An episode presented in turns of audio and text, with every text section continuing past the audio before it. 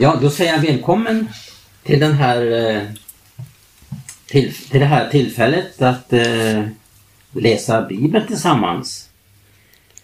Eh, jag har eh, ett ämne och det är det här att eh, Guds ord, det är en klippa i väl och i ve. Och det står fast om en bergen det vika. Och jag har eh, några vid några tillfällen i närradioprogram tagit upp också om eh, Guds ord. Och det är ju det det handlar också om. Ordet som är en klippa som eh, är fast i alla tider och som eh, vi ska titta på lite vad Bibeln säger om Guds ord. Bibeln det betyder ju det, de eh, samlade skrifter eller böckerna. Och eh, i vissa biblar står det också att det är den heliga skrift det handlar om. Det här med ordet, det eh, är någonting väldigt dyrbart när vi tänker på att det står så här i Johannes evangelium och då man läser där i från första versen så står det så här att i begynnelsen var ordet och ordet var hos Gud. Och så står det så här ytterligare och ordet var Gud. Vi har fått ordet av Gud. Och det är den eh, frälsande möjlighet vi har. När apostlarna förkunnade ordet så hände det någonting med människorna som tog emot ordet. De blev födda på nytt av ordet. Det bekräftar ju Petrus, han säger så här att eh, vi har blivit födda på nytt genom Guds levande ord. Ett oförgängligt sede. Och detta utsäde det har man förkunnat i alla tider och det har inneburit att människor har blivit född på nytt. Och då har det handlat om att man har förkunnat det levande ordet. Det vill säga man har själv erfarit en förvandling genom ordet. Gud har givit oss ordet och vi kan begrunda och eh, verkligen reflektera över vad är Guds ord? Ja, Hebreerbrevets författare säger att ordet det är levande, ja det är kraftigt och det är till och med skarpare än något tvegat svärd. Så det tränger igenom, åtskiljer själ och ande, märg och ben och det blir en domare över hjärtats uppsåt och tankar. Men när det står så här att ordet var Gud så är ju det någonting som säger oss någonting oerhört för oss. Ordet. Och eh, Gud har på det viset meddelat sig, givet av sig själv. Genom att det här ordet det är någonting som har skapat och skapade någonting. På det, genom det här ordet har världar blivit till. Stjärnevärldar, jorden och alla övriga planeter har kommit till genom ett ord från Gud. Det vill säga, det fanns en skapande kraft i ordet.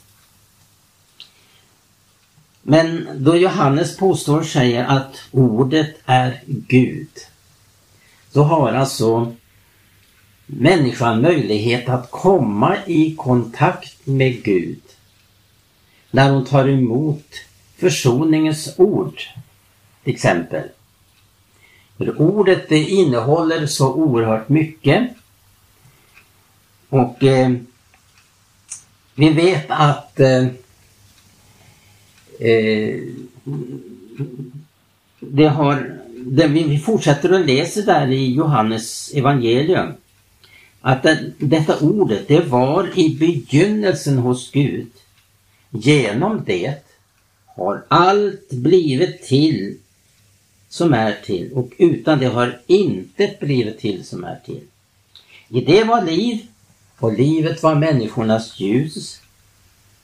Men, så står det, människorna älskade mörkret mer än ljuset. Och det kom en man. Han hette Johannes som det står om. Han uppträdde sänd av Gud och han predikade ordet. Och han kom så som ett vittne för att vittna om ljuset. Här ger un, eh, ordets undervisning en bild av att det handlar om ljuset. Det är sanningens ljus. Ordet representerar sanningens ljus för människan. Och det är så underbart när det står så här att ljuset lyser i mörkret och mörkret har inte fått makt därmed. Nu står det också vidare i samma kapitel någonting som eh, är någonting att verkligen begrunda och bli gripen utav. Och det är detta att detta ord som var hos Gud och som var Gud, att det kom hit ner till människan i människogestalt då det står så här i fjortonde versen i det här kapitlet och ordet var kött och tog sin boning ibland oss och vi såg hans härlighet. Vi såg liksom en enfödd sons härlighet från sin fader och han var full av nåd och sanning. Där kan man verkligen eh, ta till sig och gripas av att Gud lät ordet, det vill säga Jesus Kristus kom. Han är ordet. Liksom Gud är ordet är Jesus Kristus ordet. Och han eh, kom hit i människogestalt och därför står det så här att ordet blev kött och det tog sin boning ibland oss. Det levande ordet kom alltså till människorna genom Jesus Kristus. Genom att han blev född som människa. Och allt det här det eh, är någonting som vi verkligen får begrunda och eh, eh, verkligen följa upp. Och se att under hela den, ja hela den mänskliga historien. Så har ordet varit avgörande för människan. För ordet det har eh, varit vägledande, frälsande, och eh, efter syndafallet så har Gud uppenbarat eh, sin frälsningsplan redan då syndafallet hade skett. Vi känner till detta. Eh, människan som hade syndat hon eh, behövde en frälsning och den hade Gud berett redan innan han skapade människan. Vi känner till, vi som läser Bibeln, hur Gud lät ett skyldigt liv ges för att människor skulle få kläder och skyla sin nakenhet. Det var alltså som ett resultat av syndafallet. Och eh, det finns inga annat än Kristi rättfärdighet som är vår klädnad. Det här är underbara förebilder som Gud förkunnade redan på fallets dag. Men eh, låt oss eh, tänka på den eh, historia som är nedskriven i de heliga skrifterna. Vi måste ju också tänka på det här att de heliga skrifterna är det ord som eh, Gud har låtit bliva uppenbarat genom att eh, människor skrev ner vad den heliga Ande inspirerade dem att skriva. Och det här var alltså någonting som då var oförfalskat och rent. Ingen kunde lägga till eller dra ifrån någonting utan man förmedlade endast det Gud eh, förmedlade. Och eh, det här är väldigt betydelsefullt att hålla fast vid. Att förstå Guds levande ord som är oförfalskat. För eh, Petrus skriver ju så här att eh, vi ska längta efter att få den oförfalskade mjölken. Nu är det ju så att eh, genom bibelöversättningar så är det inte alltid man har kunnat återge från ursprunget. Det finns lite nyanser eller till och med att det finns eh, bibelöversättningar som inte är av det bästa slag.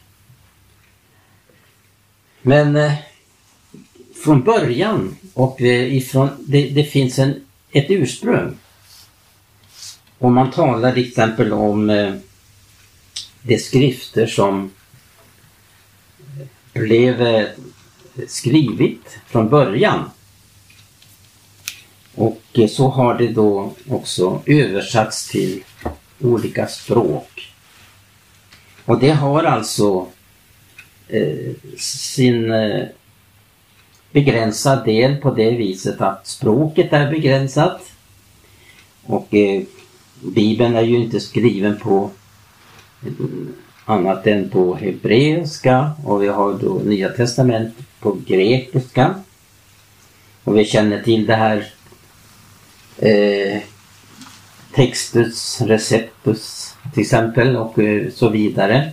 Vi har till exempel eh, olika bibelöversättningar. Och den, det kan eh, vara till hjälp att eh, kunna få inblick hur det skrevs från början. Men i stort, i det, stort, i det stora hela så är ju så att vi har en bibel. Vi har de heliga skrifterna. Och eh, vi har genom dem en underbar möjlighet att få uppleva eh, i en fallen, i ett fallet släkte uppleva att eh, ordet kan frälsa oss. Det var ju en uppmaning som eh, Petrus gav att låten frälsa eder från detta perversa släkte. Och det som står, och så står det vidare, och det som då tog emot ordet, det att döpa sig.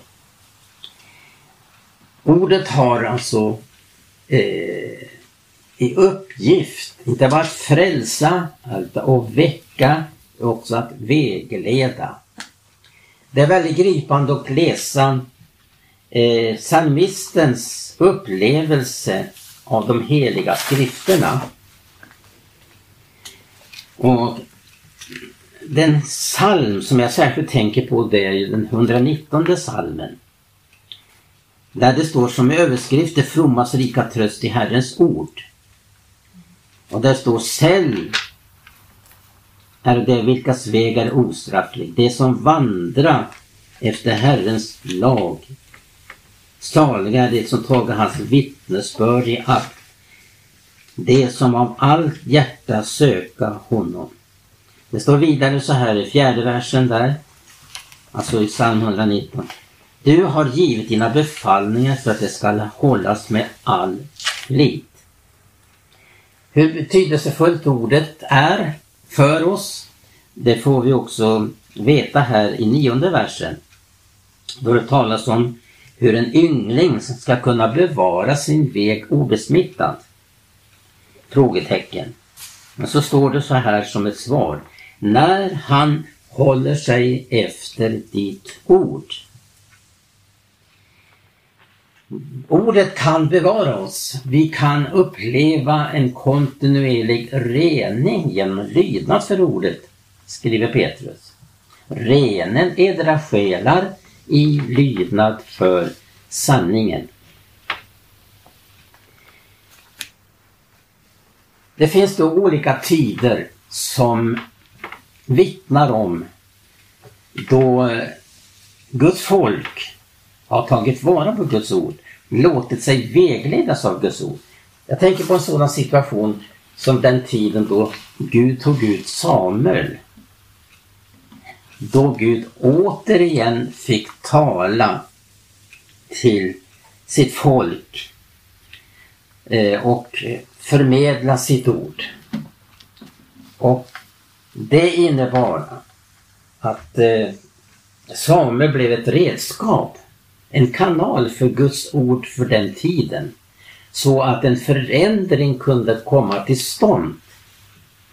Och det finns situationer efter det ena efter det andra i den bibliska historien som talar om vad det innebär att antingen avvika eller ta fasta på Guds ord.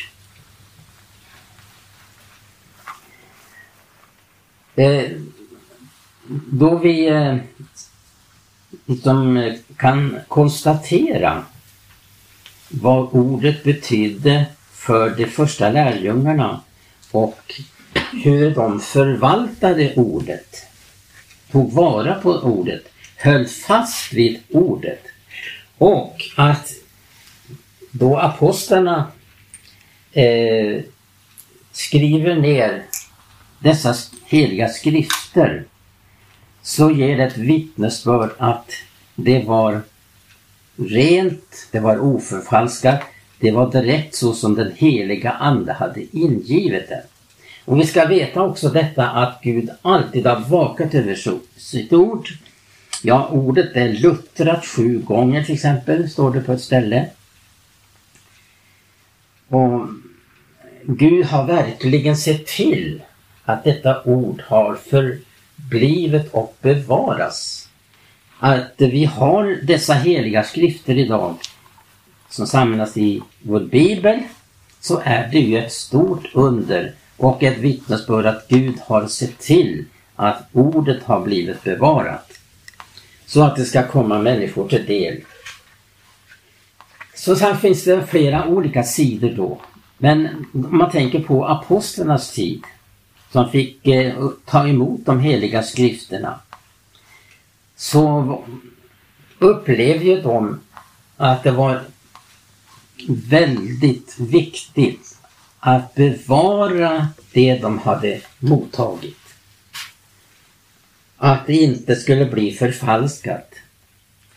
Det, var ju, det är ju så att det pågår ju en strid mellan ljus och mörker, alltså mellan ordet, sanning och lögnens makt.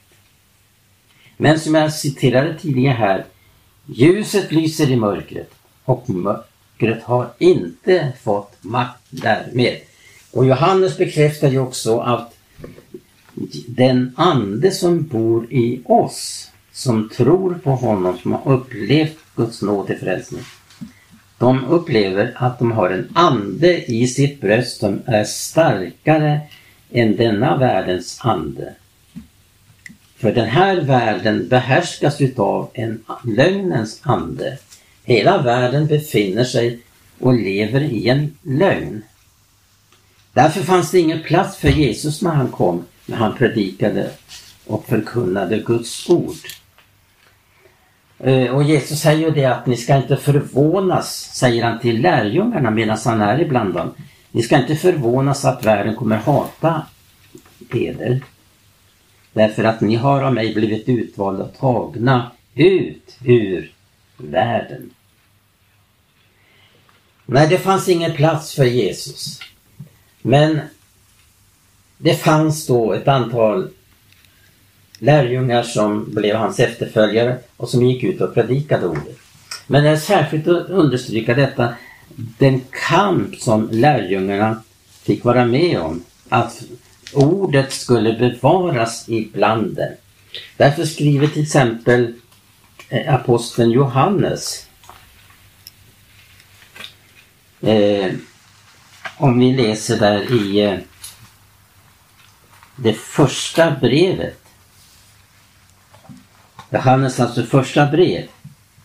Aposteln Johannes skrev ju också inte bara evangelium, han skrev också några brev. Och det finns då första och andra och tredje brevet. Och det är första brevet från första versen så står det någonting underbart. Som eh, visar hur angelägna de var att det skulle bli bevarat, det de fick mottaga. Det de skulle förvalta och det de skulle föra vidare. För han skriver så här. Det som var från begynnelsen, det vi hava hört, det vi med egna ögon hava sett och det vi skådade och med egna händer tog på, det förkunnar vi om livets ord talar vi. Det finns också ett annat ord som avslöjar eh, hur man var angelägen att eh, kämpa. Som eh, Judas eh, skriver att kämpa för den tro som en gång för alla blev överlämnad åt det heliga. Det handlar inte om att tro hit och dit utan som i Efesierbrevet så står det om en tro. En tro. Och eh, så här skriver ju Paulus till exempel i Andra Korinthierbrevets tionde kapitel från vers 3 till vers 6. Ty fastän vi vandrar i köttet föra vi dock icke en strid efter köttet. Våra stridsvapen är nämligen icke av kötslig art. De är tvärtom så mäktiga en figur att de kunna bryta ner fästen.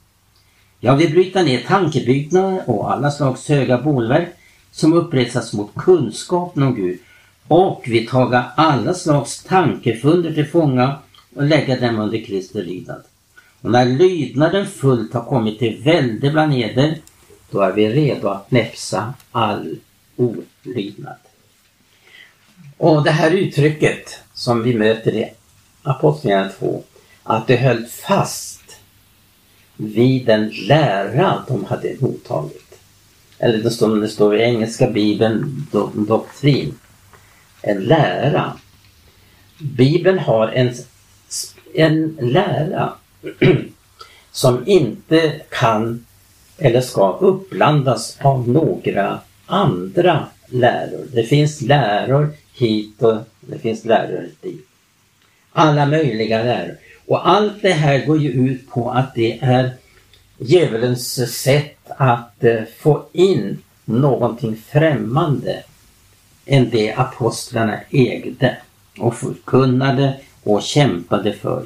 Det höll fast vid apostlarnas undervisning eller lära. Som det också står i andra översättningar. Det står också så i folkbibeln om lära.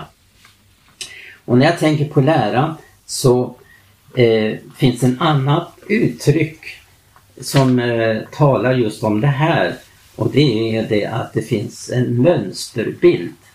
Det är väl identiskt med lära. För det står så här i Romarbrevet. Som eh, har blivit väldigt dyrbart för mitt eget hjärta. Och som eh, jag har eh, verkligen begrundat, studerat, återkommit till gång på gång. Med tanke på den kamp som vi har för den tro som blev överlämnad en gång till ett troende. Det står i Romarbrevet 6 så här. Och vers 17 där Gud tackar att den tid är förbi då var de syndens tjänare och att de haven blivit av hjärtat lydiga så att de följen den lära som har givits eder till mönsterbild. Det finns alltså en mönsterbild vi ska följa. Det är ordets mönsterbild. Precis som Gud sa till Mose på berget. Se till att du gör i allt efter den mönsterbild som har blivit dig visad på berget. Det finns en mönsterbild för vårt levande. För han, han eh, påminner ju här då romarna att eh, förr så var de syndens tjänare men nu har de av hjärta blivit lydiga. Att följa den lära som har givits till mönsterbild. Det handlar ju också om vad vi kan läsa om på olika ställen om att vandra värdig den kallelse vi har fått. Och en helig vandel, skriver Petrus. Att eh, han uppmanar dem att leva en helig vandel. Men jag vill komma in på någonting som är väldigt viktigt att tänka på. Och det är det här att som vi alla känner till så förblev ju inte de troende kvar i apostlarnas undervisning och det de förmedlade, det som var från begynnelsen, det Gud hade uppenbarat. Man förblev inte i det. Men eh, då kan vi se från efter apostolens tid fram till den tid och den dag vi lever nu. Att eh, det, har, det som har varit avgörande. Eh, för att det handlar ju om att detta som apostlarna ägde gick förlorat. Och att efter apostolisk tid så kom det främmande läror, det kom, eh, man övergav det som förkunnades. För det var ju redan på apostlarnas tid en fara att det skulle ske. Därför skriver Paulus så här till korinterna att jag fruktar för att ni ska ha fördragsamhet. Fördragsamhet, vad då? Jo, fördragsamhet att någon kommer förkunna en annan Jesus, ett annat evangelium och är del av en annan ande. Och han säger då att jag fruktar att ni har fördragsamhet mot sådant. Tyvärr så gick det här då på det viset att man gled bort ifrån den apostoliska undervisningen. Apostolernas, apostlarnas eh, eh, på det sätt de förmedlade Guds ord. Men Eh, då det handlar om den från den tiden, efter apostolens tid fram till, som jag nämnde nyss, från, fram till den tid vi lever nu i, så har det ju handlat om att Gud har i sin nåd och barmhärtighet välsignat ändå sitt folk. Men det har varit en sak som har varit avgörande. Frågan är om man har rört sig mot eh, det som Bibeln förkunnar och som Gud har givit som mönsterbild. Om man är, eh, rör sig eh, mot detta eller om man är på väg bort ifrån det. Och där har eh, det varit helt avgörande om man har upplevt förnyelse och väckelse. För det är ju på det viset att så fort man rör sig i, i rätt riktning så har Gud välsignat. Men det sker ju också naturligtvis tvärtom då man är... Eh, det är ju så att varje väckelse har ju inneburit att man velat närma sig de heliga skrifterna. Åter till ordet som av Gud vi fått sjöng man med stor hängivenhet under gångna tider. Åter till ordet, åter till stigen våra fäder gått. Ljus är vårt natt och så vidare. Åter till ordet, det är det som det handlar om. Men vi ser också att under gångna tider så har man kommit mer och mer till klarhet över vad Guds ord eh, undervisar om dels om församlingen och om den enskilde. Om att eh, då det handlar om dopet eller det handlar om Andens nådegåvor och så vidare. Så, har, så kan man ju se att från e- efter apostolisk tid att man har återigen velat ta upp dessa bibliska sanningar. Och att vid varje väckelse har ju uppenbarat någon ny sida, någon mer sida utav det som gick förlorat. På det viset så har Gud välsignat att man rört sig i rätt riktning. Men det har inte tagit lång tid förrän elden har slocknat. Då väckelsen avtar.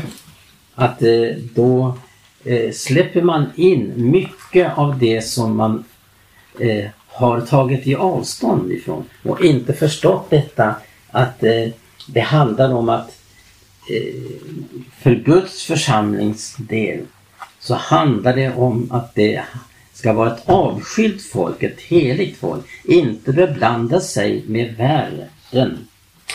Johannes skriver ju det att älska inte världen, ej heller vad som är i världen. Och den som vill vara världens vän, han blir alltså Guds ovän. Det här är en kamp, har alltid varit en kamp för Guds folk. Antingen så rör man sig bort ifrån världen eller också närmar man sig världen. Och det är frågan om huruvida vi är inställda till detta, att ta vara på Guds ord, att låta sig renas av sanningen. Jag tänker på ett, bara en vers i, i Daniels elfte kapitel och den 32 versen. Vad det kan innebära om man kränker förbundet. Där står det om hur, hur förbundet blir kränkt. Vi vet att eh, Gud upprättade ett förbund med Abraham. Han som drog ut ifrån det ogudaktiga kaldeiska ur och började vandra med Gud i tiden och fick vara med om att uppenbara hur Gud ville utföra sina gärningar genom den mannen. Men här alltså i Daniels 11 kapitel 32 vers så talas det då om eh, eh, den som har kränkt förbundet.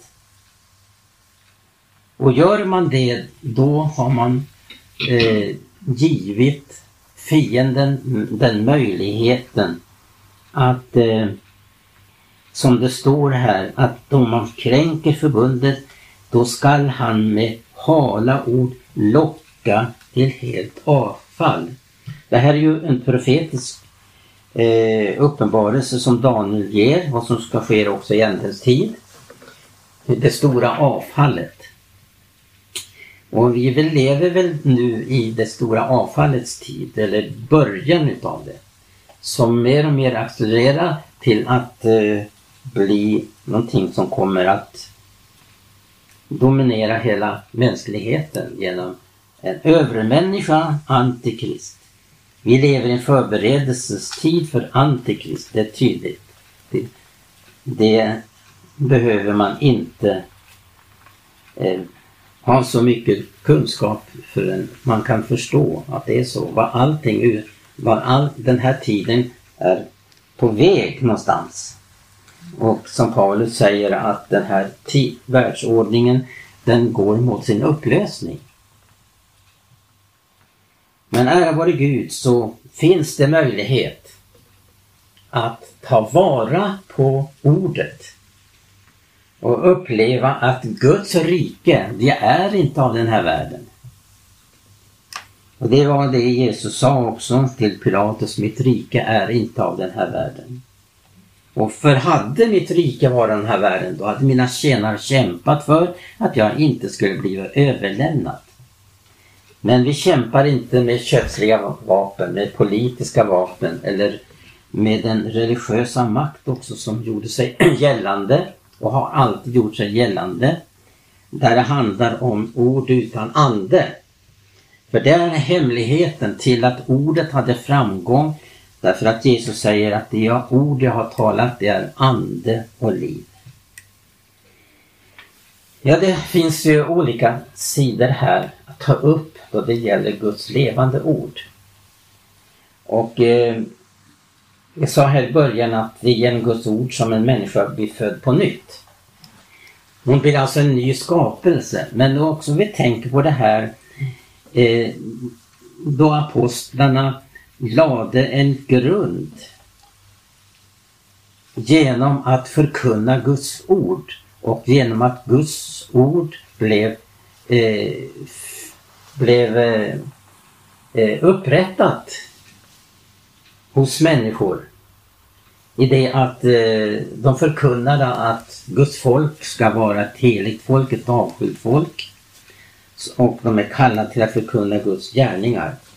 Det är oerhört gripande detta att hur, eh, till exempel då det gäller församlingsbegreppet, alltså en församling det, det, det är inte eh, någonting som eh, människor har åstadkommit utan det är också en skapelse av Gud, precis som pånyfödelsen är församlingen en skapelse av Gud som sker genom att när apostlarna förkunnade ordet så eh, fick de uppleva att eh, de var och blev främlingar i den här tiden.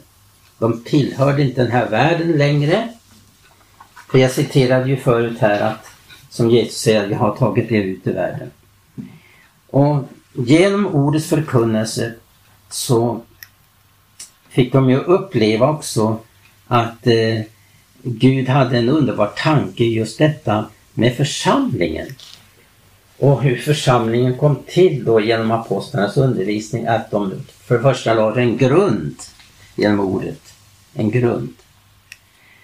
Och eh, att församlingen eh, för att den skulle vara en Guds skapelse handlar om hur den heliga Ande eh, fick eh, ta ut människor och eh, då, det, då det finns de här underbara bilderna av att församlingen kan växa upp till ett heligt tempel eller det blir en kropp, Kristi kropp i tiden. Det är lemmar som sammanfogas genom, den, genom ordet och anden. Och då handlar det om att församlingen är alltså någonting som är skapad av Gud. Hur eh, man kan få uppleva eh, exempel vad Paulus skriver i Efesierbrevet, det fjärde kapitlet.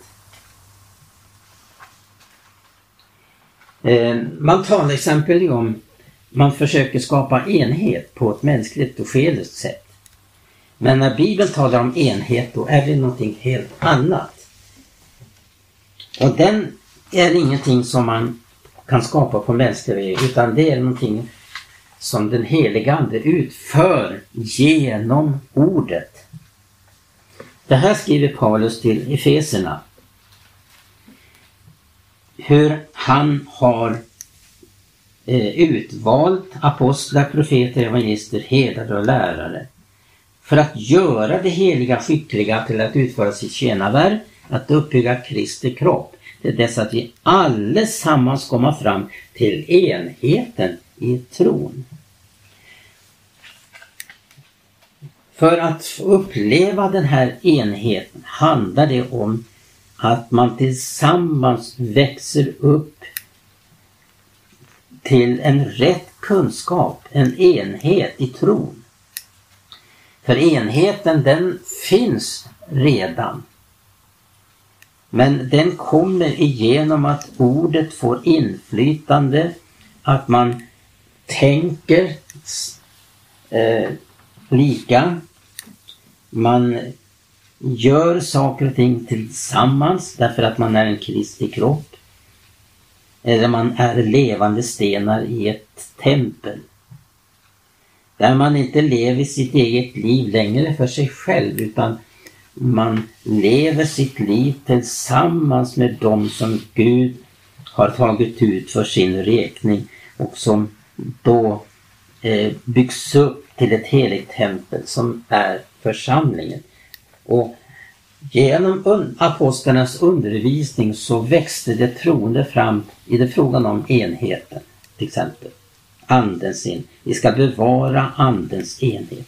Och det är ordet och anden som skapar den här enheten. Församlingen är ju ingen förening utan det är någonting som är alltigenom en gudomlig företeelse. Och därför så finns den här bilden utav församlingen som en eh, alltigenom av guld. Ära vare Gud.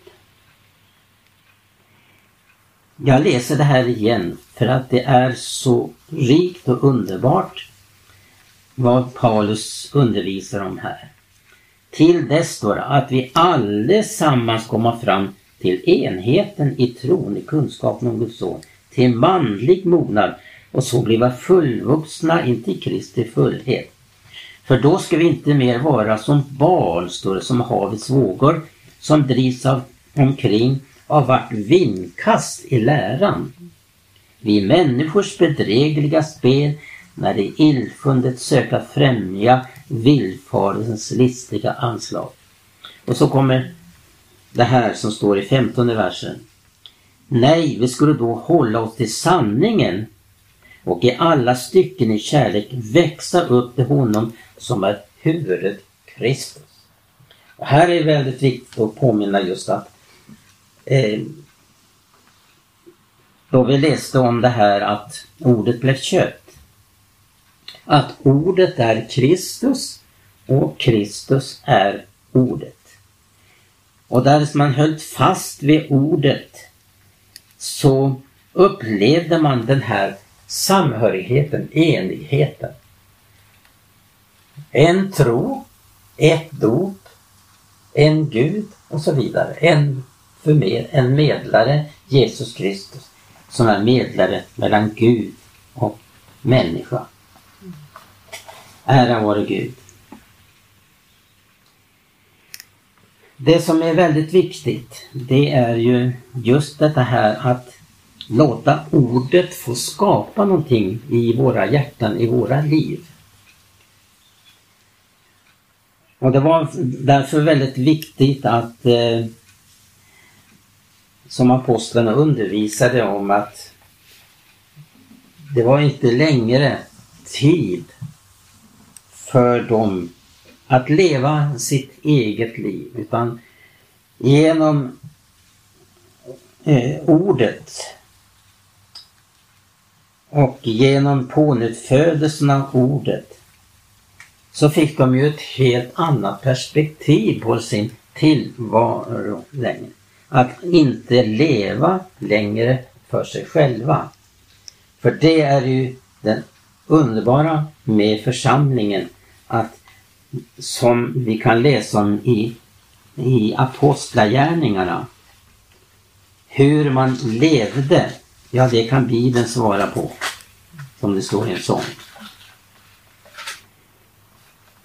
Och det här eh, kom ju till på det viset att eh, det började med att Jesus utvalde människor.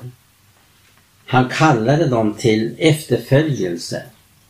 Att uppge sitt liv, lämna allt och följa honom. Och det var ju förutsättning för att den här planen med församlingen skulle kunna bli en verklighet. Dessa som då hade blivit uttagna, som blev döpta i den heliga Ande, döpta i kärlekens ande.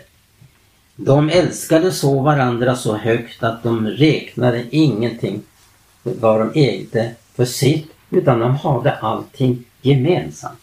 Det vill säga att det blev en gemenskap upprättad eh, just från de här tre dimensionerna som apostlagärningarna handlar om. Om den karismatiska delen, om undervisningen och om den sociala delen. Alltså både eh, eh, genom den heliga Ande och genom den teologiska sidan och den sociala sidan. De tre områden var det som Guds rike blev synliggjort i den första församlingen. Och det här, det hade blivit skapat genom den heliga Ande. Och vi betänker oss att dessa människor i den första församlingen i Jerusalem hade ju inte de här skrifterna som vi har. Men det fanns ju den här hemligheten att Jesus kom och förkunnade inte sin lära utan sin faders lära. Han står, säger på ett ställe, jag har givit dem ditt ord, säger Jesus.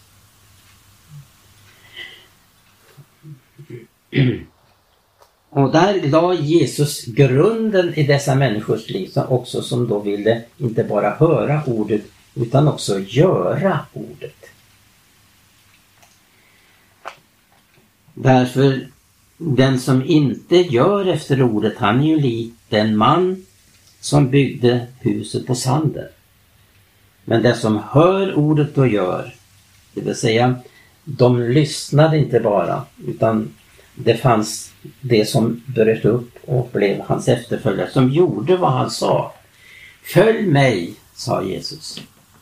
Han sa det inte bara till de som blev apostlar utan han sa det till skarorna som ville följa honom. Han vände sig om och sa om någon kommer till mig och därvid inte gör det ena och det andra så kan han inte vara min lärjunge. Men den som blev hans lärjungar de blev det här materialet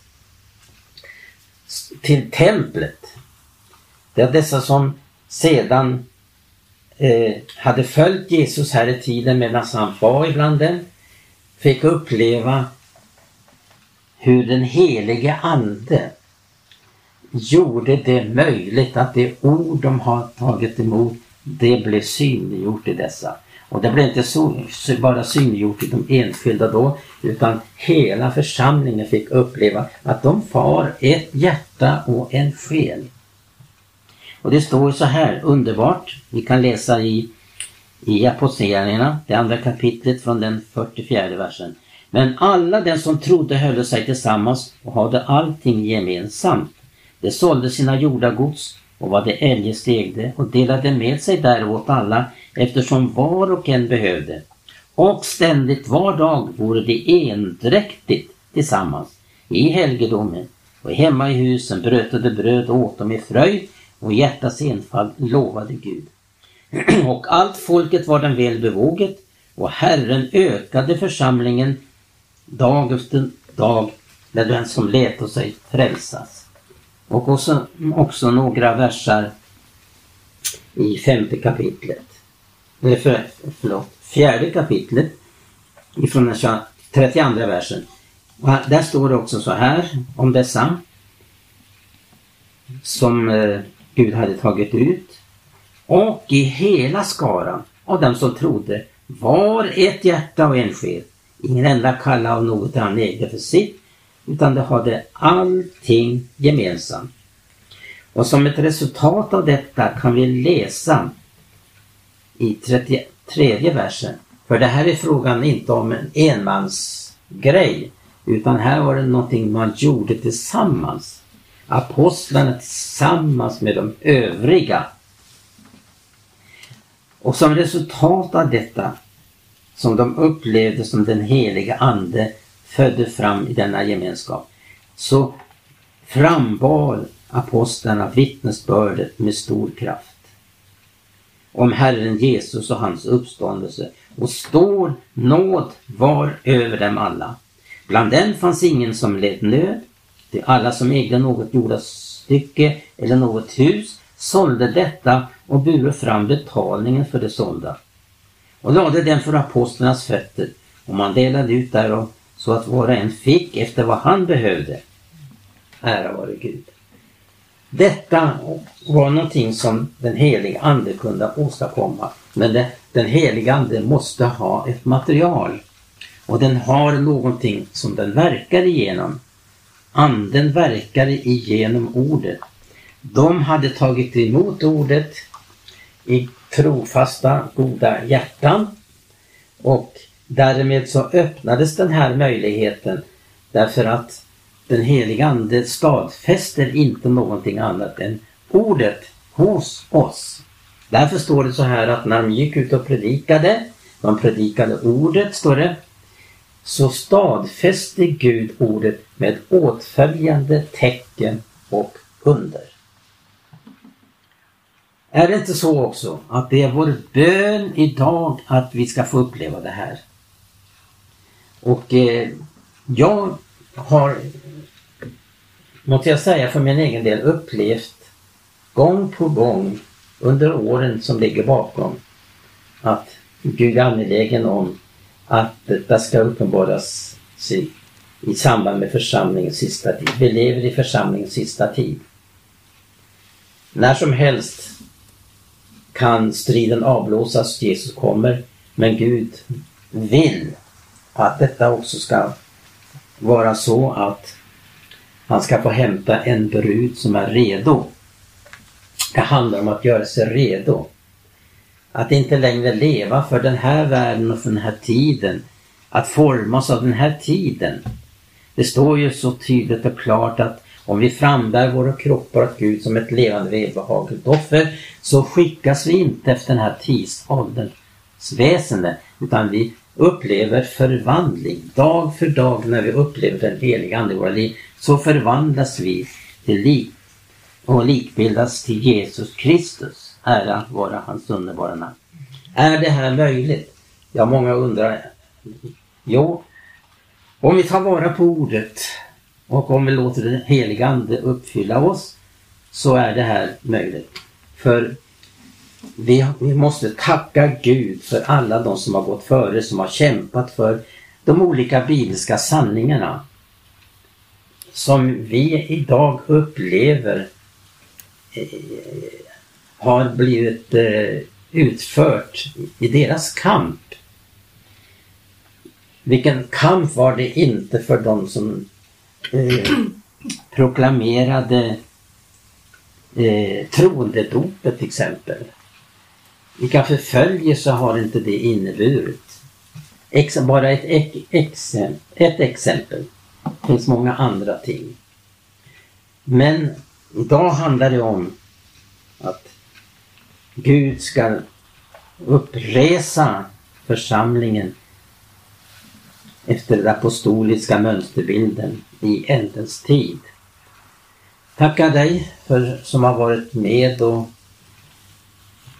det kanske är brister och så här men eh, jag har i alla fall de här grundtankarna som jag har velat föra fram och hoppas att det kan bli till välsignelse för dig och verkligen uppleva och söka Guds ledning med ditt liv i, i frågan om detta med den apostoliska församlingen i ändens tid. I Jesu namn. Amen.